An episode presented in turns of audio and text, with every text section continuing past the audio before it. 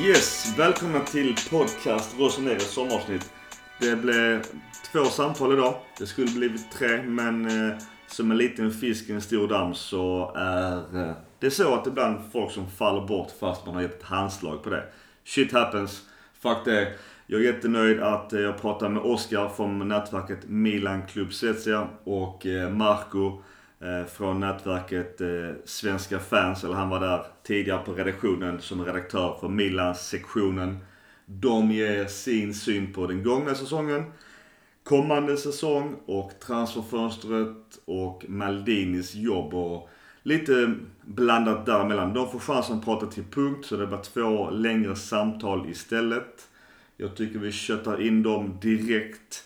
Så får ni höra deras kloka ord. Håll till godo. Välkommen Oskar från vårt nätverk Milan Club Svezia. Tackar, tackar. Du, när de ändå har, eh, har dig på tråden. Milan Club Svezia, vad är nytt? Eller vad är på gång? Jo, det är en hel del på gång faktiskt. Framförallt så har vi öppnat med medlemskap nu här i helgen. Så det är bara att köpa hem sitt medlemskort och stoppa det i fickan. Eller, det kostar 150 kronor och då får man med sig ett medlemskort. Då. Man får också rabatt på merch som eh, kanske hintar med att det kommer ännu mer alldeles strax. Men det finns också som vanligt kepsar och halsdukar och även mössa om man tycker att det är lite kyligt här i värmen. Så eh, det kan man också köpa på sig redan nu. Andra får man ju också med sig att eh, man får delta i tävlingar och utlottningar som vi kommer arrangera under året. Så det, det, är en hel del man får med sig och framförallt rabatt på matchträffar. Och de som är osäkra eh. på vad det är för merch så har ni lite förslag på er Facebook-gruppsida. Exakt. Så hon har ju lagt ut lite eh, hintar där. Så det är in och kika där i Facebookgruppen så kommer ni få se vad vi har. Så om man bara klickar på Milan Club Svezia på Facebook så får man upp er grupp och eh, kan man kolla läget direkt på dessa grejerna. Exakt. Jag kan ju säga också att vi har 10-årsjubileum på gång här snart. Så det är 9, i, ja, 9 augusti. Så 10-årsjubileum och då kommer, kommer det hända en hel del grejer. Så det kan jag också inte om. Då passar jag, Mackan och Gurra på att önska stort grattis och åt en väldigt välförtjänt överleva 10 år är jävligt svårt och stort. Verkligen, verkligen. Tackar, tackar. Det, det ska ni ha jävla cred för. Men, men, det ska bli intressant att se eh, hur det firas. Eh, men jag tänkte om vi går över till Milan-snacket. Eh, det blir stora frågor så du får summera hur mycket du vill. Men den gångna säsongen, vi slutar tvåa. Vi når äntligen Champions League-plats. Vad vill du berätta utifrån dina synvinklar och åsikter kring säsongen? Ja, ska vi börja med förra säsongen så man får väl ändå se det som en bragd att vi faktiskt tar hem andra platsen. Det, det talas egentligen inte så mycket om tycker jag. Det, det mesta vi tog oss till Champions League och det med all rätt såklart. Det är det vi verkligen har längtat efter i så här många år. Men eh, att vi tar just andra platsen det, det, ja, det måste nästan talas mer om tycker jag. Nej, men det var ju ett tufft år får man väl ändå säga. Även om inledningen var så fantastisk så ja, det, det brakade verkligen ihop där under våren och framförallt vintern. Så det, lite får man se det som en bragd att vi faktiskt tog oss till Champions League och framförallt andra platsen då. Ja, men generellt så tycker jag vi ska vara nöjda med säsongen, men också tycker man får vara lite orolig inför kommande säsongen. Just med de värvningar vi hittills har gjort och de ja, spelare vi har tappat mm. eh, sen senaste säsongen. Det... Men, men, om vi bara spaltar upp det Oskar. Eh, du pratar om bragd.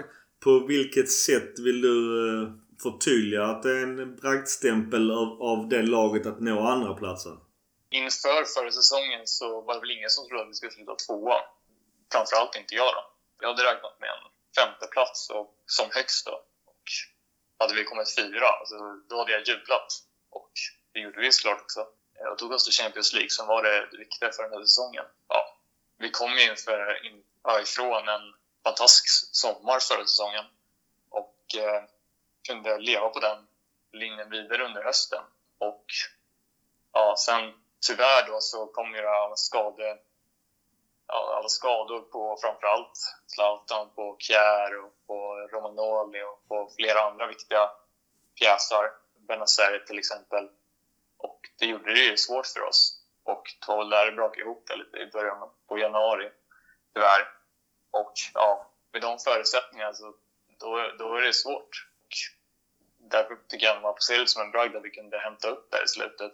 Och framförallt mot ja, matcherna mot Juventus och Atalanta visar ju verkligen den kapaciteten som vi har när vi har våra viktiga spelare på plan. Mm. Men eh, som det ser ut idag så har vi ju tappat en del av de pjäserna och eh, det krävs en hel del för att vi ska få hem de viktiga pjäserna igen. På tal om transferfönster, om vi bara betar av januaris fönster. Vad har du för åsikt om de spelarna som kom in där och då? Eller det är lätt nu med facit i hand, men hade du velat se annan typ eller andra spelare? Eller hur tycker du att vi agerade i det fönstret när vi var vintermästare? Jag tyckte vi gjorde det helt okej okay utifrån förutsättningarna. Då. Det var ingen som kunde förutse att vi skulle få de skadorna på just de spelarna. Och vi fick in Masukic, eh, till exempel. Det såg jag som en väldigt bra värvning. Eh, sen föll inte den riktigt ut i hand som vi trodde att den skulle göra. Men eh, ah, framförallt får man också ge honom lite cred för att han offrade i stort sett hela sin lön fram till han var här. Så jag tycker inte vi ska genom allt för mycket hugg. Men eh, nej, i övrigt, nej, TF kommer väl se lite som underpresterande. Jag hade lite högre förhoppningar eh, på honom faktiskt. Sen kan jag säga att de förhoppningarna inte var så höga från början heller. Men eh, lite bättre trodde jag att han skulle göra det. Hur fan, det var, det var väl en i varje lagdel så det måste ha en back, en mittfältare och en som en back måste vi fått in. Ja, Tomori kom jag på nu. Ja. Kom in. Ja, men han, han ska man ju all cred till. Det är ju mycket på grund av honom jag tycker som vi faktiskt klarade av att göra den här bragden. Så han ska ju ha all cred och det är helt rätt att vi värvade in honom eh, nu till sommaren också.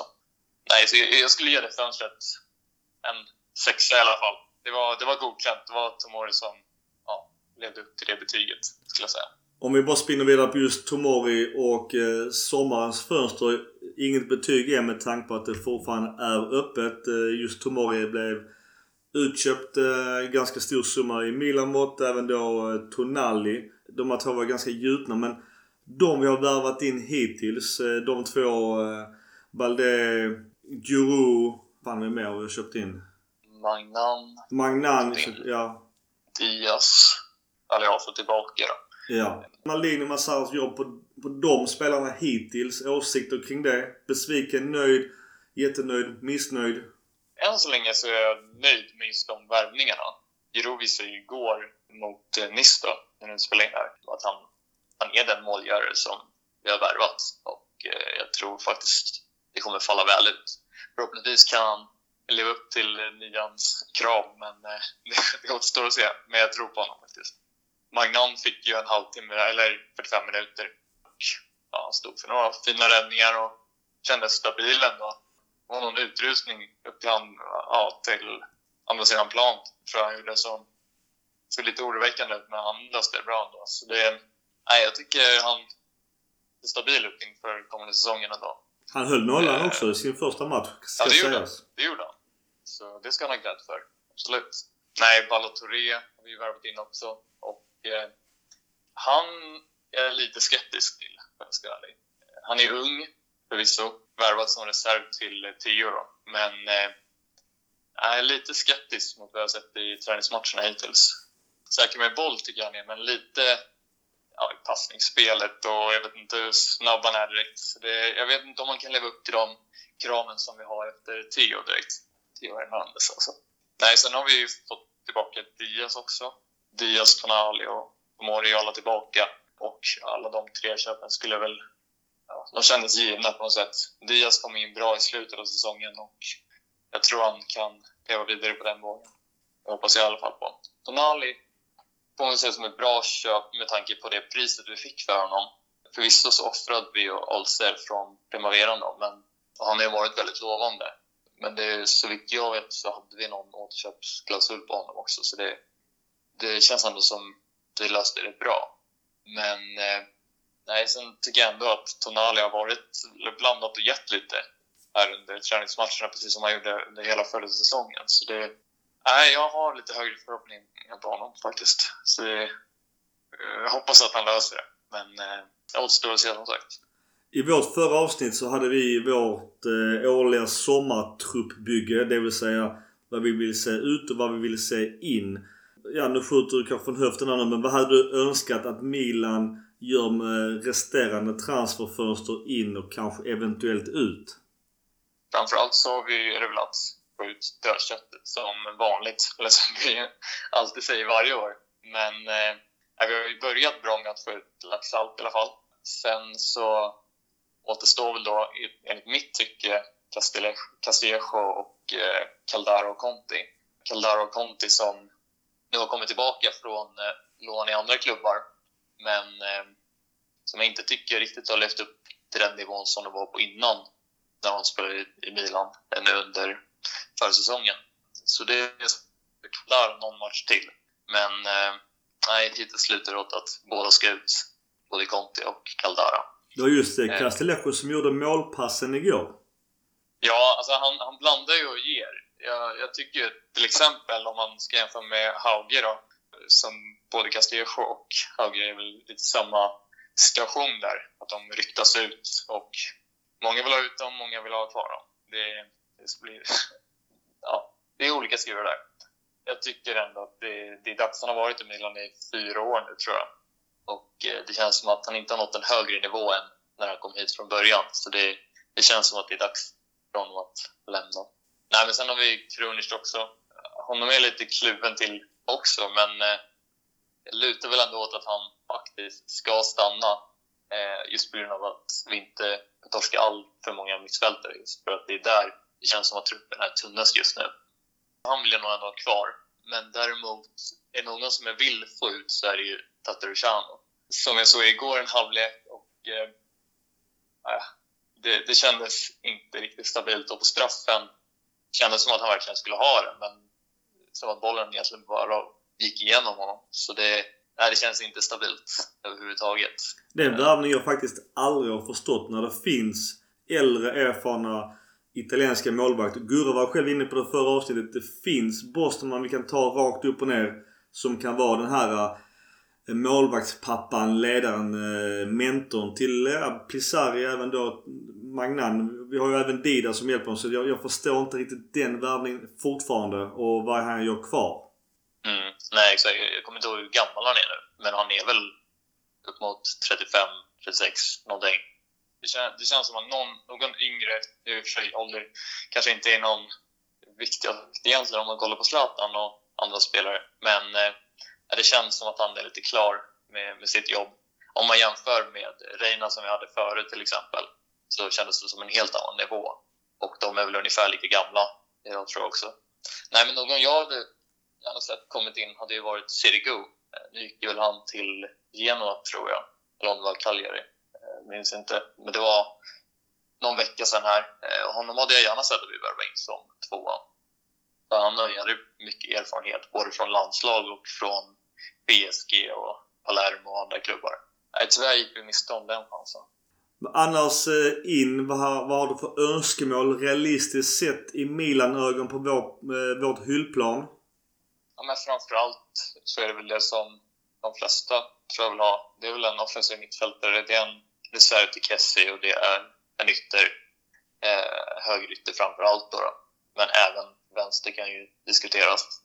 Och jag hade väl gärna sett någon som till exempel Bernardo Silva ut till höger. Det ryktas väl om att han är på väg ut från City.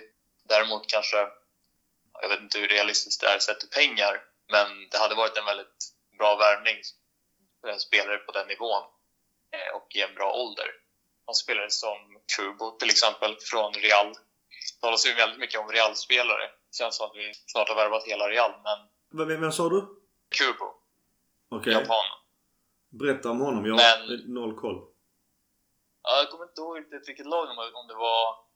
Jag minns faktiskt inte vilket lag han var utlånad till förra säsongen. Det var något spanskt lag eh, från Real. Men han känns ju som nästa Messi om man får säga honom, sett till spelstil. Eh, sen är det bevisa om man kan leva upp till dem, eller till den standarden. Men eh, nej, han, han känns som en lurig figur som eh, kan trolla lite där på kanten. Men eh, Eh, jag ser honom mest som ett lån i så fall. Eh, lite som en, som en ny Diaz, om man får säga så. Alltså det, det hade varit en bra värvning, tror jag. Eh, nu tycker jag han gjorde det bra under OS här också, för sitt Japan. Nej, så det är väl högerkanten där. Sen eh, tycker jag, som offensiv mittfältare så talas det ju väldigt mycket om till exempel Isco, Coutinho och alla dessa spelare. Men jag tror framför allt att vi bör få in någon som Pessina som kan Serie A, som har spelat i Milan förut också och gjort det väldigt bra i Atalanta, som ju varit extremt bra de senaste säsongerna. Och han skulle ju komma billigt. Milan har väl en klausul på 50 procent eh, för att få in honom, så det, det känns som ett billigt alternativ. Eh, och han gjorde det också bra nu under EM, så det, honom hade jag gärna sett komma in. Han var också min eh, AMC i mitt truppbygge så jag håller helt med dig där av, av exakt dina anledningar också. Precis. Ja, nej, sen annars så får man väl säga en reserv till Kessie då, och då hade jag gärna sett någon som Paredes i PSG eller Torreira i Arsenal komma in. Framförallt Torreira var på väg ut från Arsenal eh, och också ryktas förut till Milan. Och det känns som att han är lite av den speltypen också, som Kessie är. En bollvinnande och spelförande spelare i samma. Och det är väl samma sak med Paredes där också. Han har gjort det jäkligt bra de matcher jag har sett i PSG. Och han lär ju få det rätt efter om spel, eh, speltid där också kommande säsongen skulle jag tro. Så vad jag vet så är han väl inte så pass dyr heller. 200 miljoner tror jag hans värde ligger på ungefär. Så det, ja, nej, no, någon av dem hade jag gärna sett komma in. Inget något mera, eller klar med den biten? Ja, det är en mittfältare, det är en offensiv mitt och det är högerytter framför allt ja. som vi behöver värva in. Men eh, sen är det klart, jag hade gärna sett någon som Isco eller Coutinho, bland andra spelare, komma in. Så det, det hade ju varit en drömvärvning såklart, men jag tror inte den är så pass realistisk just nu. Pioli har ju tydligen tackat nej till Spurs. Vad tror du hans eh, fortsatta roll i, Milan kan innebära för kommande säsong och Milan som bygge och kan han nå nästa steg? Det vill säga en placering till? Jag tror att det var ett bra val att behålla honom faktiskt. Då kan han bygga vidare på den trupp som han har påbörjat sen ja, två säsonger sedan nu. Och eh, det känns bra att äntligen ha en stabil grund att bygga på. Och någon som kan vara med i ett par år och liksom, ja, sätta sin standard på klubben. Få in rätt personal och... För det, för det är ju det man måste tänka på. Att varje gång det kommer en ny tränare så byts ju även personalen runt omkring ut eh, i de flesta fallen. Och eh, det är väl där många missöden hamnar. Liksom.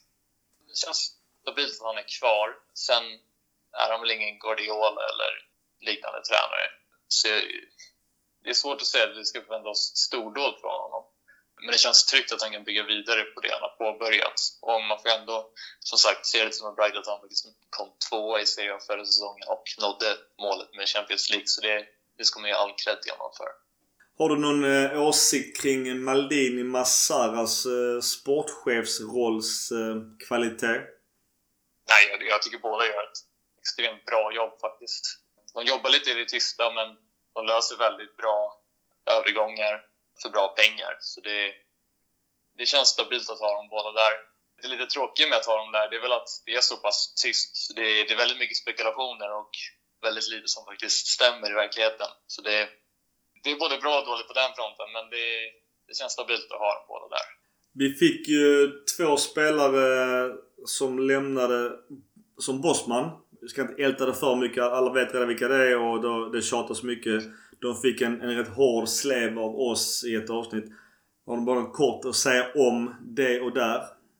Ja, man får väl ändå ge honom att han vill prova någonting nytt.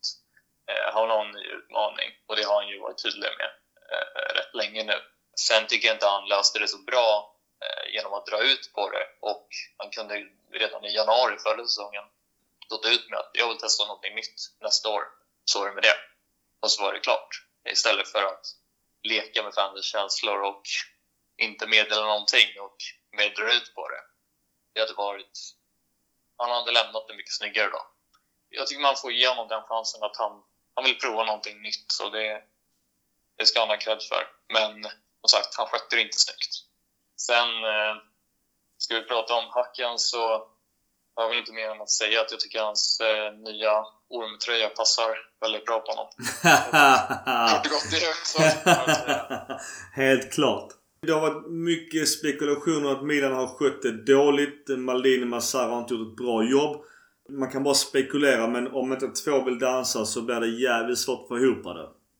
Ja men precis. Nej, vi vet ju inte riktigt detaljerna i förhandlingarna där så det, jag tycker inte man kan egentligen grotta för mycket i det heller. Det man kan fundera på är varför Milan inte har gått ut eh, med någon typ av pressrelease om att så här är läget och varför det blev så här.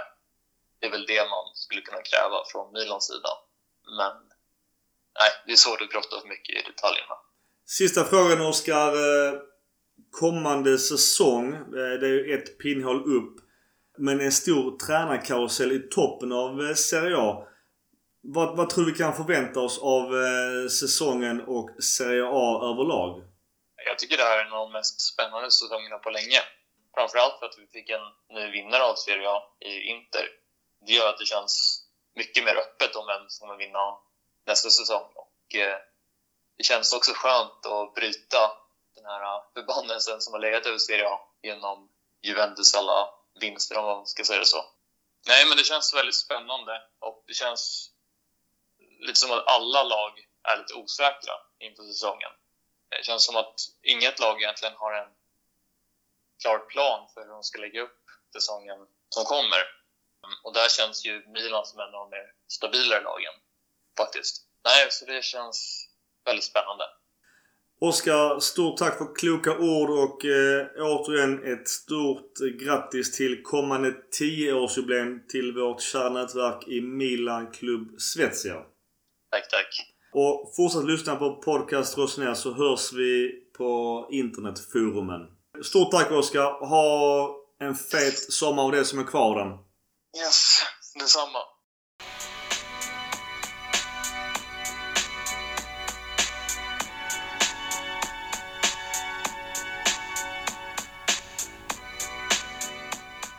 Okej, välkommen igen Marco. Eh, tidigare Svenska fans guru, Milan. Kan man säga så? Ja, det, det går väl att säga. Vi, vi kan börja ta gångna säsongen. Vi slutar tvåa. Vad är din samlade åsikt, bedömning kring den säsongen? Ja, nu när man har haft lite tid på sig och smälta allt, eh, allt från förra säsongen så tycker jag att vi gör det väldigt bra om man ska se så som säsongen utvecklade sig med eh, skador eh, och eh, covidutbrott och allt som stod i vägen så, så tycker jag sett till förutsättningarna så gör vi en jättebra säsong. Det blev ju en lite märklig säsong med tanke på att vi, vi ledde ju ligan halvvägs, vilket ju egentligen var sensationellt. Även om man inte kanske såg det, såg det när man var mitt uppe i det hela, utan då var, var man det mer eller mindre inne i den euforin som var då och glädjen över att eh, se laget tillbaka i toppen. Men eh, nu när man fått reflektera lite grann över det så, så gjorde vi det som sagt mer eller mindre sensationellt bra. Vi lyckades eh, ligga kvar i toppen så länge som vi gjorde. Jag bara hoppar in Är det någon eh, speciell punkt eller eh, tanke kring det här med vad som egentligen var så bra? Med tanke på våra förutsättningar och våra förväntningar. Vad vill du lyfta fram som var så bra? Ja, jag skulle nog vilja återkoppla till eh, det Pioli sa att eh, då när laget gick i lockdown i mars förra året eh, så var det som att laget svetsades samman trots att man var ifrån varandra under en längre tid just då. Men så att, så att säga, det var där, där man lyckades svetsa samman laget på något sätt. Att man, man höll kontakten under den här tiden då alla var isolerade och, och på något sätt så fick man en bra sammanhållning i laget som sen var själva startskottet till framgångarna på planen senare på sommaren och eh, fortsättningsvis in på hösten sen.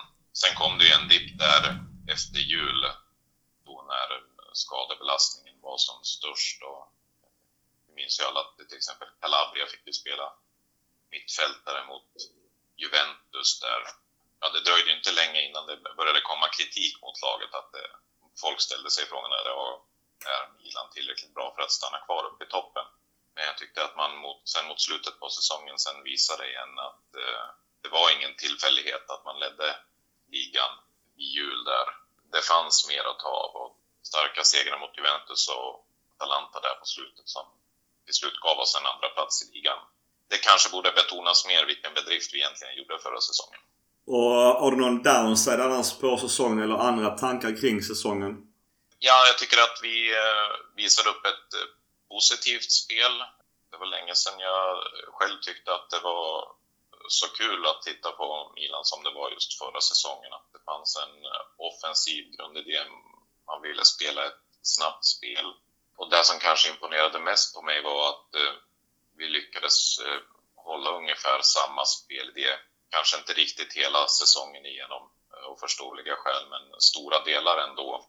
Trots att vi nästan aldrig kunde ställa upp med samma startelva två matcher i rad så var det ändå samma typ av spel som vi lyckades prestera.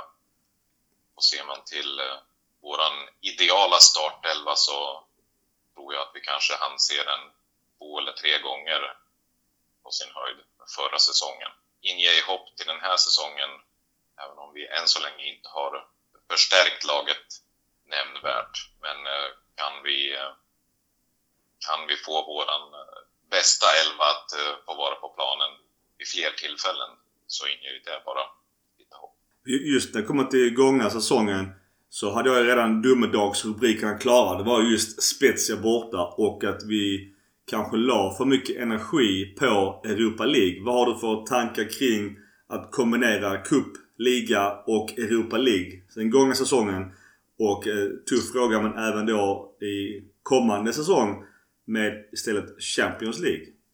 Nej jag tycker att eh, de turneringar vi ställer upp i så ska man ta alla turneringar seriöst och eh, visst, vi hade en dipp eh, mot Spezia och det, det, är inte så förvånande egentligen utan jag, jag är nästan mer förvånad över att vi inte fick fler, se fler sådana dippar med tanke på vilket ungt lag vi hade. Lätt kan fluktuera mellan prestationerna från en vecka till en annan. Men eh, egentligen är det ju bara Spezia-matchen som står ut där, där vi, där vi hade en stark eh, elva att ställa på plan, men där vi inte lyckades prestera helt enkelt.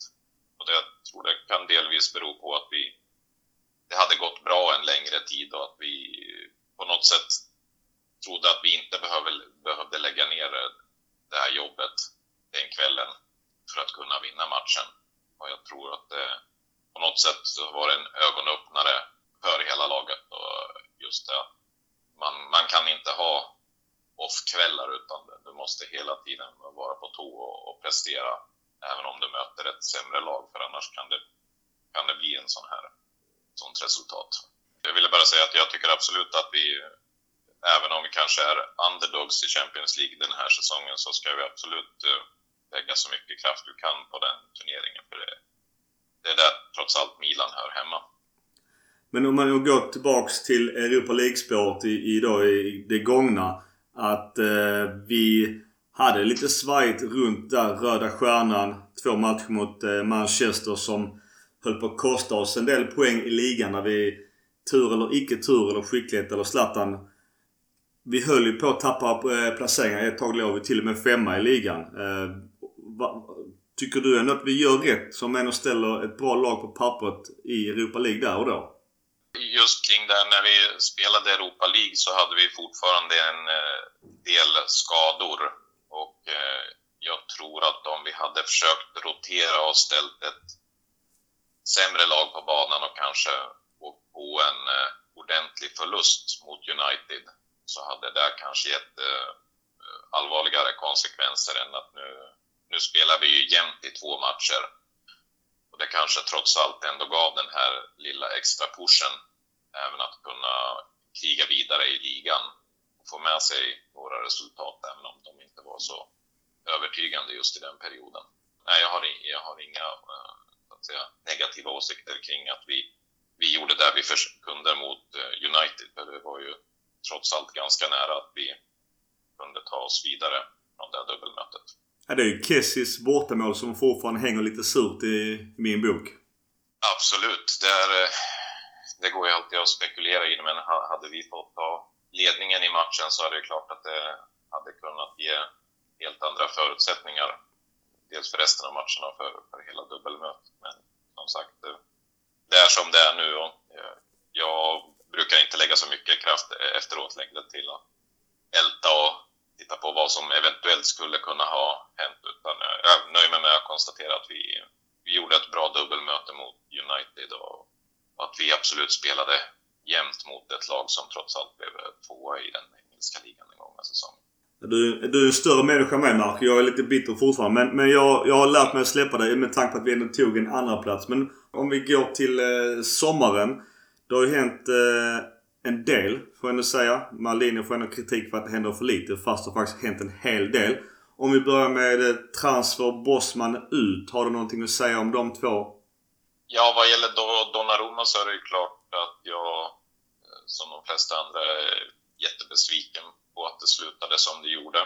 Vi har ju inte riktigt hört uh, huvudpersonen själv uttala sig om varför uh, han gjorde den här flytten och varför han eh, väljer att gå gratis från en klubb som han ändå har representerat i eh, sju eller åtta år nu.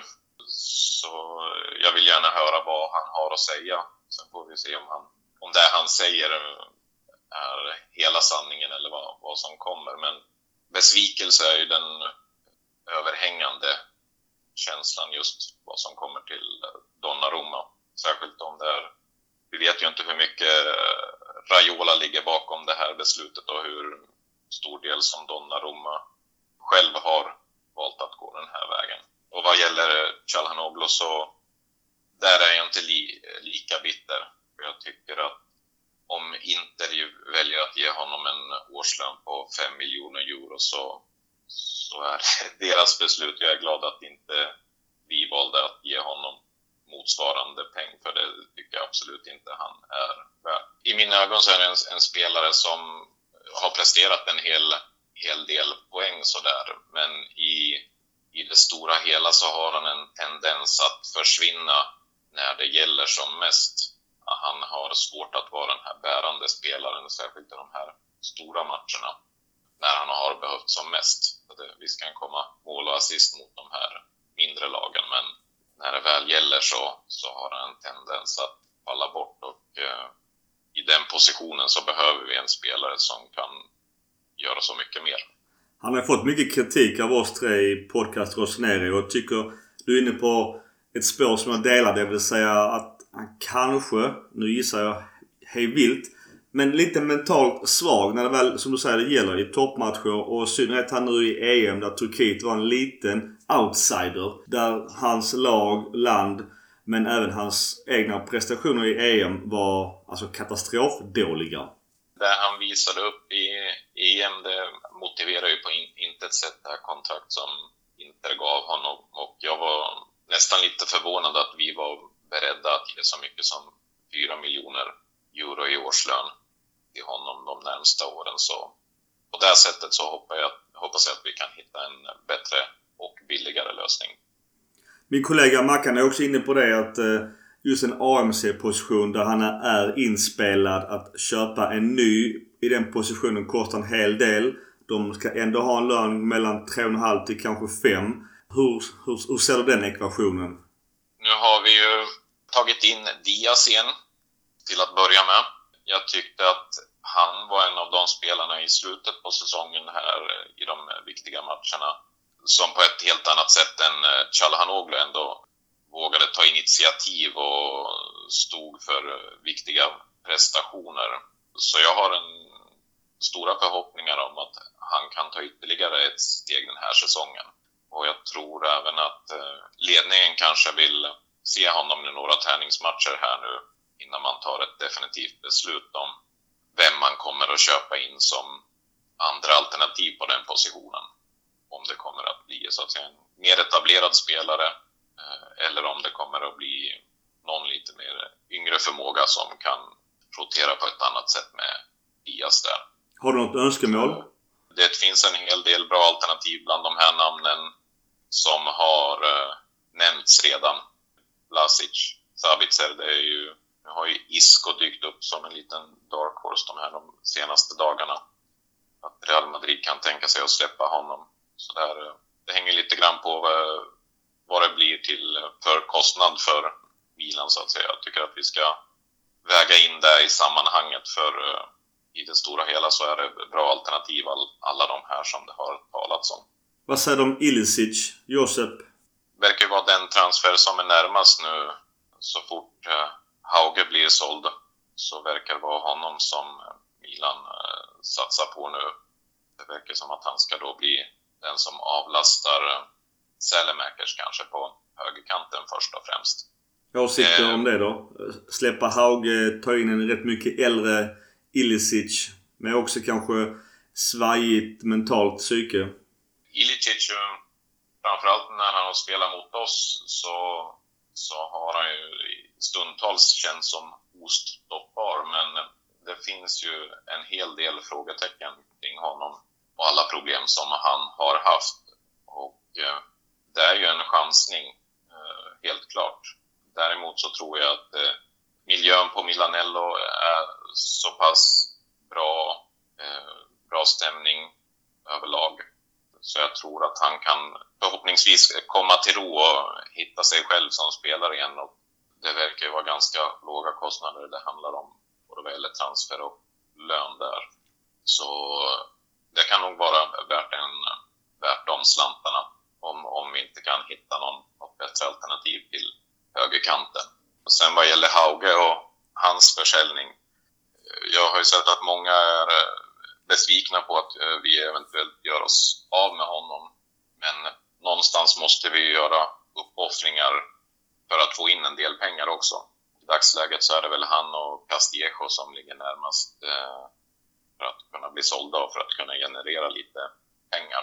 Jag hade väl själv förhoppningar på Haugen när man såg honom i början att han kunde bli något riktigt bra. Men eh, ju längre säsongen led så verkar det som hans prestationer stagnerade också. Han har inte riktigt lyckats steppa upp de få gånger han har haft chansen att visa upp sig. Det där. Och en annan sak som jag har reflekterat över kring Hauge är just det att när man ser spelarna på bilder från eh, Milanello och eh, i sociala medier så är det sällan han han figurerar tillsammans med någon annan. Så jag ställer mig lite frågande till hur väl han har kommit in i gruppen. Och det kan ju också påverka hans prestationer om han inte känner sig som en del av laget. Om vi backar lite i plan. Vi köpte ju loss två no-brainers i Tonali och Tomori. Åsikter kring det och dem? Ja, inte särskilt mycket mer än att vi gjorde helt rätt som köpte loss båda. Framförallt Tomori då visade ju upp att han var ju helt klart värd den prislappen som till slut hamnade på, på runt 28 miljoner euro.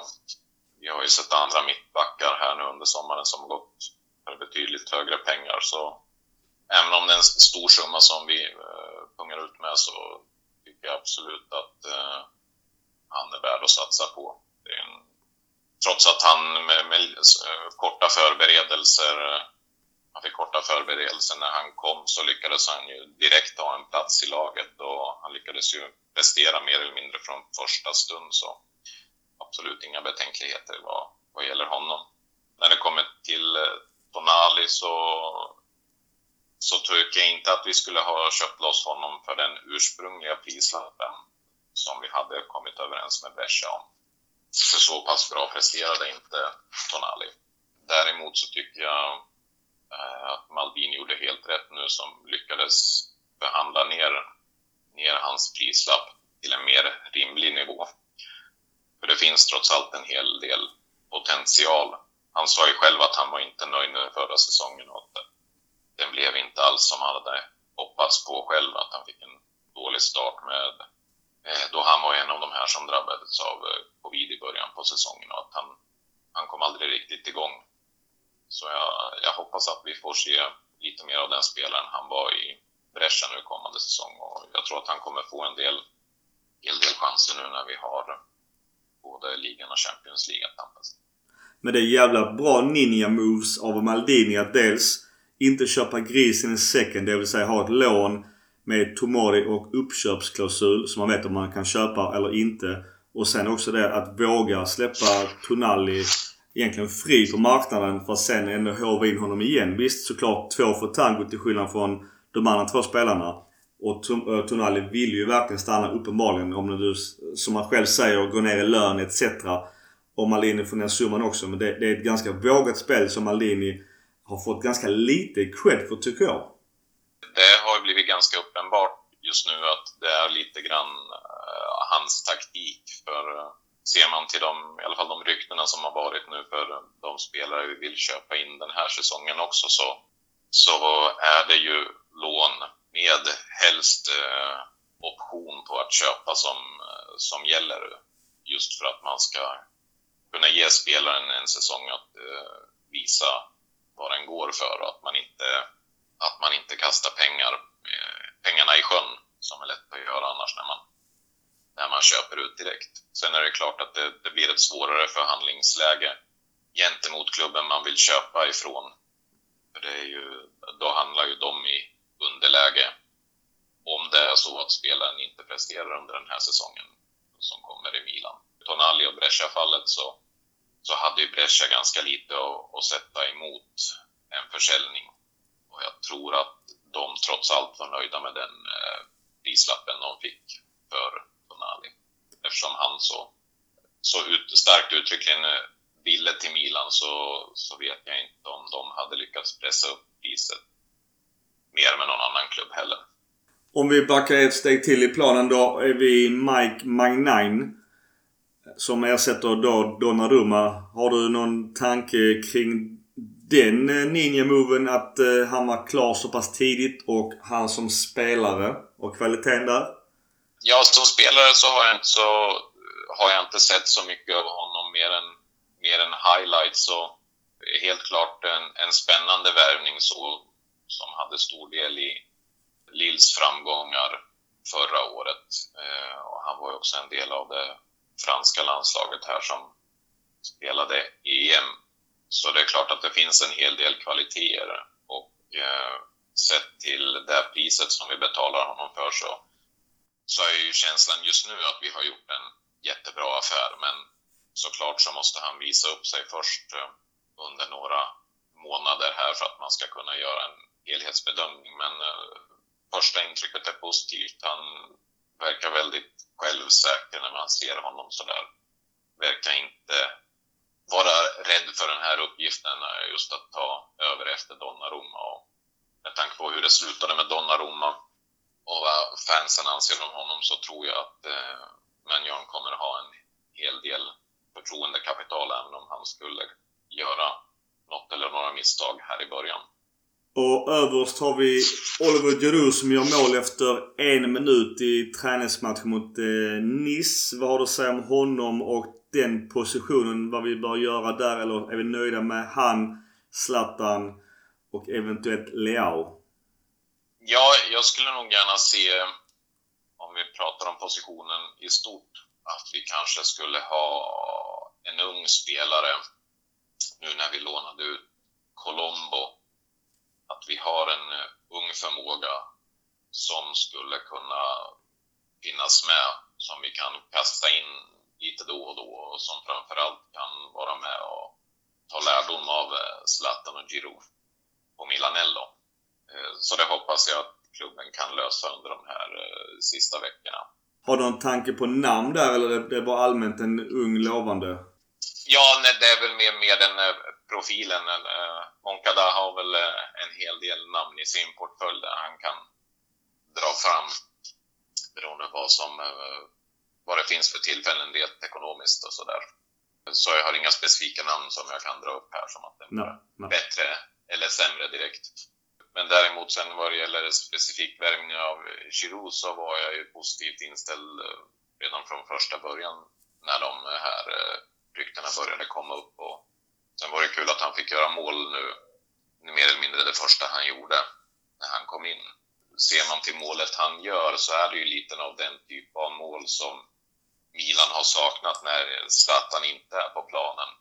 Just den här, ett riktigt eh, strikermål som på ett inlägg från Castillejo som egentligen inte är särskilt märkvärdigt men där han med ren vilja tar sig framför sin back och, och knoppar in bollen.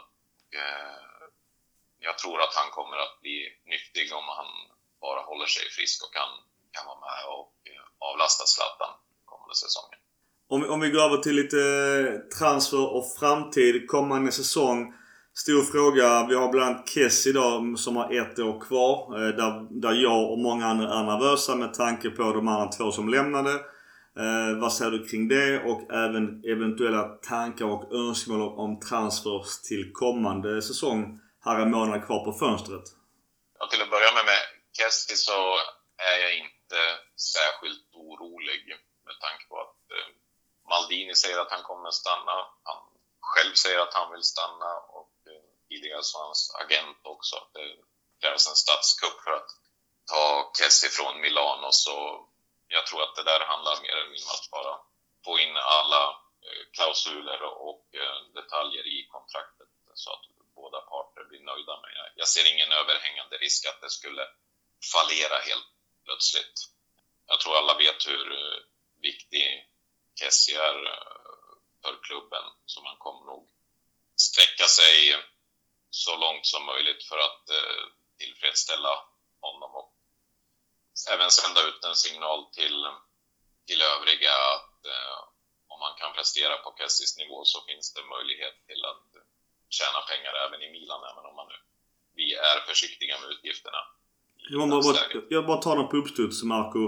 Hur är din tanke just kring det här med lönestruktur, eventuellt lönetak och den diskussionen? Det är ju den ekonomiska verklighet vi lever i idag.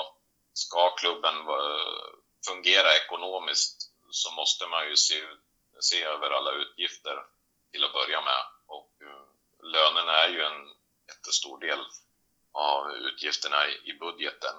Och eh, där eh, finns ju inte möjlighet som tidigare kanske att spendera hej vilt utan här gäller det att räkna in noga för varje euro nästan vad man får ut av den som jag nämnde tidigare så tycker jag till exempel inte att eh, Calhanoglu hade varit värd de här fyra miljonerna sett till han presterar. Men där vi erbjöd Donnarumma och där Kessie nu kanske får ligga ändå i paritet med vad, vad spelare som eh, presterar i princip eh, varje match under en hel säsong bör kunna tjäna i Milan. För eh, är de så pass bra och är flera spelare som kan ligga på den nivån så kommer vi bli bofasta i Champions League och få in mer intäkter och på det sättet eh, skapa en ekonomisk struktur som tillåter lite högre löner. Men eh, i det stora hela så är jag nöjd med klubben och hur, hur man tänker. För det är inte alltid man behöver betala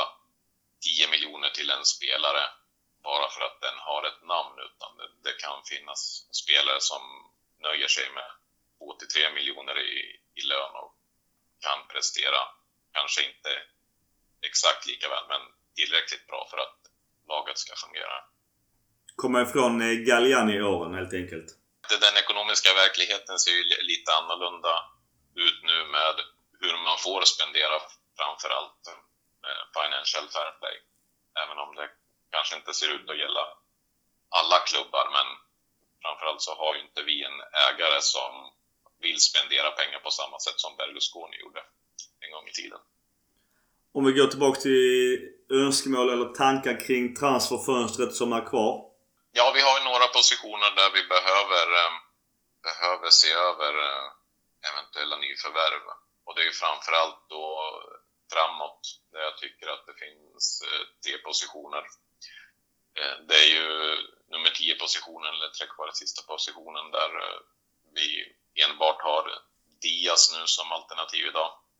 Där behöver vi hitta en lösning. Och, som jag nämnde tidigare så tror jag klubben vill se hur, hur Diaz kan prestera på den positionen om han är redo att axla ett större ansvar eller om han likt i fjol ska bli en spelare som är mer tänkt som rotation. tycker ändå att jag, tanken med att ge honom nummer 10-tröjan indikerar ändå på någonting att man har ganska stora förhoppningar för honom den närmsta framtiden. Sen har vi då även den högerkanten offensivt. Eh, Sälemäkers eh, tycker jag har presterat långt över förväntan sett till vad man visste och tänkte om honom när han kom. Men eh, ska vi bli ska vi ta ytterligare steg som lag så, så behöver vi en spelare som är eh, mer kreativ och som kan eh, skapa, skapa ett hot från högerkanten. För känslan eh, idag är att, vi, att det väger ganska mycket över åt vänsterkanten med Rebic och Pio där. Vi förlitar oss på att det ska, de offensiva kreativiteten ska ske där. Så därför hoppas jag att vi hittar ett alternativ. Sen vet jag inte om det ska vara Ilicic eller om det, är, eh, om det finns ett annat namn som, som inte har uh, kommit fram ännu som ledningen kikar på. Men uh, där hänger det också ihop med att man inte har gjort sig av med Castillejo ännu. Jag tror det stoppar upp lite grann i inköpen just nu att vi inte har sålt några spelare ännu. Jag tror även att vi behöver en backup på högerkanten. Jag vet ju att klubben uh, hoppas fortfarande på att man kan hitta en lösning med Diogo Dalot som eh, var på lån förra säsongen och som man uppenbarligen var nöjda med och gärna vill fortsätta tillsammans med åtminstone ytterligare en, en säsong. Eh, och jag har ingenting emot det, för jag tyckte Dalot var eh, så pass bra när han fick chansen förra säsongen att han är ett eh, pålitligt alternativ för våran del och jag tyckte att han själv verkade trivas i klubben. Vi får se om det kan bli en lösning nu i slutet på transferfönstret. Men tycker du att han är värd 200 miljoner kronor som Manchester vill ha för honom? Nej, utan eh, i så fall så är jag på, mer på Maldinis linje där att vi ska låna ytterligare en säsong och sen kanske får en utköpsklausul. Men jag tycker inte att, eh, vad jag sett av honom hittills, så ska inte den ligga på mer än kanske 15 miljoner max. Mm, mm. Det är ju trots allt en spelare som i första hand ska vara avlastning till Calabria och kanske stundtals då och Theo, även om vi nu har en annan spelare som ska vara backup på vänsterkanten i första hand. Någon mer tanke kring eh, transfer? Ja, sen är det ju mittfältspositionen där, eh, de defensiva mittfältspositionerna där det har pratats eh, lite grann. Och framförallt är det ju då frågan kring eh, Pobega om han är eh, redo att eh, vara en av de här kanske fyra första spelarna på den positionen. Nu har vi inte så mycket att, att gå på vad gäller försäsongen, men jag tycker ändå att han har spelat med ganska stor pondus och sådär. Alltså, sett en del lovande initiativ. Så jag hoppas inte att vi säljer honom som det var alla trodde att vi skulle göra i, i början på sommaren här. Det verkar som att han har gjort bra ifrån sig under de här första veckorna på Milanello. Att det finns en allt större chans att han stannar kvar.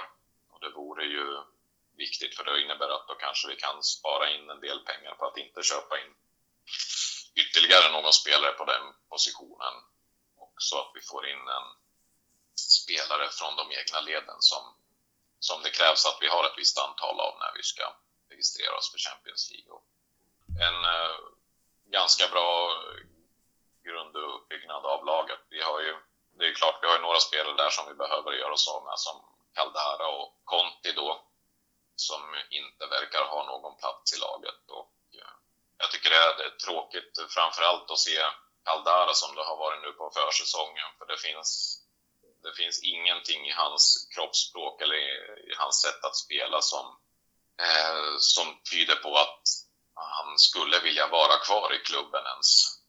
För, eh, ser man till jämför man med en sån som Castillejo som under två års tid har ryktats bort från klubben så eh, han försöker ju ändå verkligen bidra, även om han är tekniskt begränsad, så, så, vi, så visar han ju på att han vill någonting. Men jag har inte sett någonting sånt från Caldara, trots att han har en skulle ha en, ha en bra chans att slå in sig i, i laget som kanske fjärde mittback den kommande säsongen.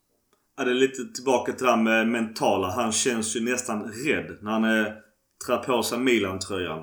Ja, någonting är det uppenbart som inte fungerar och han verkar inte få det att fungera i Atalanta förra säsongen heller så det lutar allt mer åt att han eh, kommer gå till historien som en av de sämsta värvningarna vi har gjort.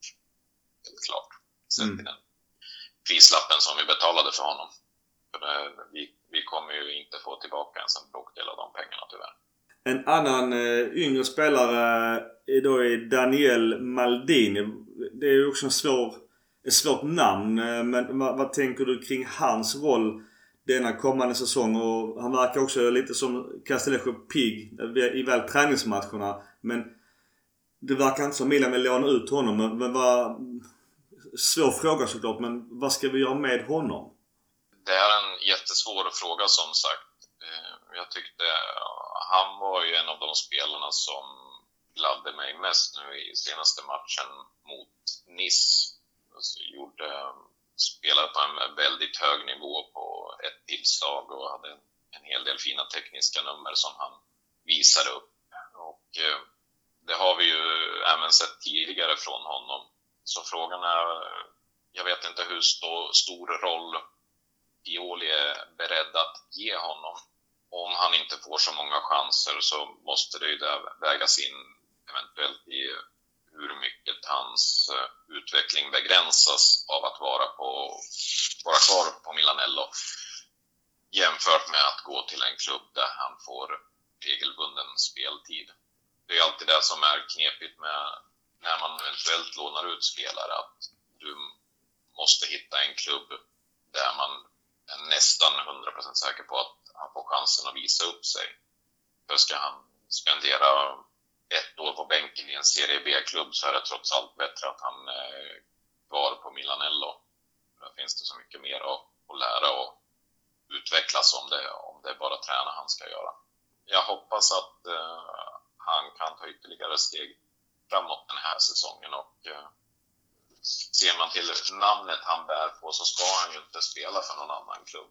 Så det talar väl för att vi inte ska låna ut honom. Eh, Marcus, sista frågan. Det, det, är bara stora frågor som sagt. Det har varit en, en stor tränarkarusell i toppen av Serie A. Förutom just vårt Milan och Pioli. Och vi blev tvåa.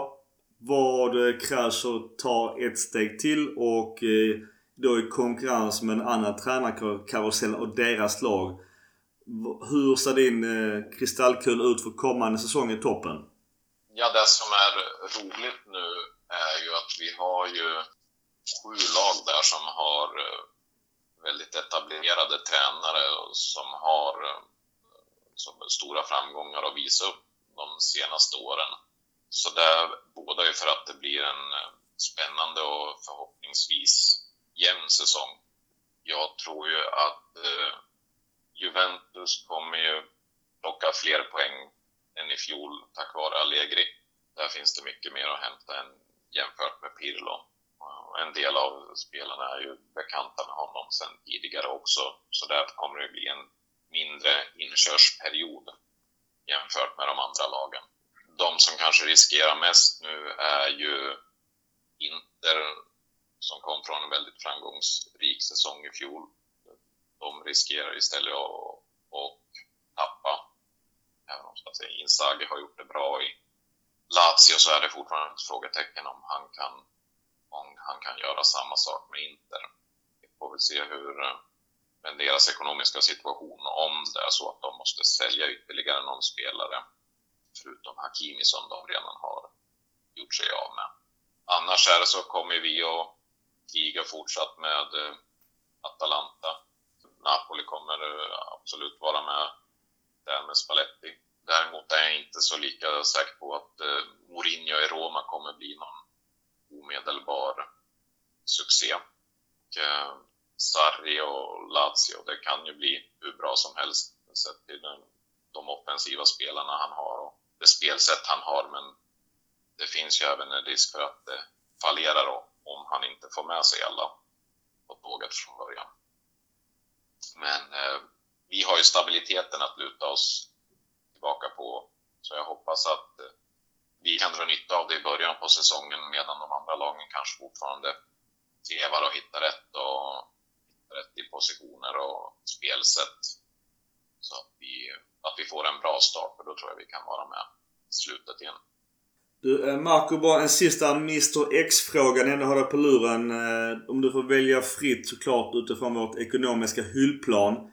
Vem hade blivit din Mr X den sista dagen på transferfönstret alla Galliani? Jag eh, skulle... Det är alltid svårt att komma med ett namn sådär. Men, den är tuff. den är tuff. ja, men jag skulle jag få välja fritt så skulle jag vilja ha ett spännande namn ut på högerkanten som inte är Ilicic. Men eh, jag eh, lutar nog mer åt att det kanske kan bli en, en av de här trekvartista-namnen som har varit på tapeten, trots allt. Så varför inte Vlasic, trots allt? Ja. ja. Jag tror att det, just att han är en profil som skulle passa oss bra och CSK på något sätt måste göra sig av med honom innan våran säsong drar igång. Så jag får väl sätta mina pengar där helt enkelt. Vi får se om han hamnar hos oss eller Zenit som också ryktas. Men Marco, stort tack för kloka ord och eh, fortsätt lyssna på podcast Rossoneri. Absolut, det ska jag göra. Och tack eh, ja, tack själv och trevlig sommar av det som är kvar som sagt. Så eh, hörs vi kanske om inget annat till höst igen och tar ett nytt snack. Kolla liksom vintermästarrollen. Det vore jättekul. Super. Jag har inte med Marco. Har du någonting mer du vill säga innan vi skiljs åt? Jag eh, hoppas att vi eh, får tillbaka publiken på arenorna. Visst mått. För eh, det tror jag kommer göra en stor skillnad för vårt hemmaspel. För jag tror att det här unga laget som har fått växa ett år nu kan få ännu mer vind i seglen med fullt eh, kurvasudd som kan hjälpa oss framåt. Det ser jag fram emot och naturligtvis att få höra Champions League-sången med, med våra röda, röda och svarta tröjor på planen. Magi. Som sagt Marco, stort tack och eh, trevlig sommar. Ja, tack detsamma. Det var allt för eh, detta avsnittet. Eh, återigen stort tack till Oskar och eh, Marco. Fantastiskt kloka ord. Nästa gång bjuder vi in Mackan och Gurra som vanligt och köttar vidare. Trevlig sommar av det som återstår. Força Milan sempre.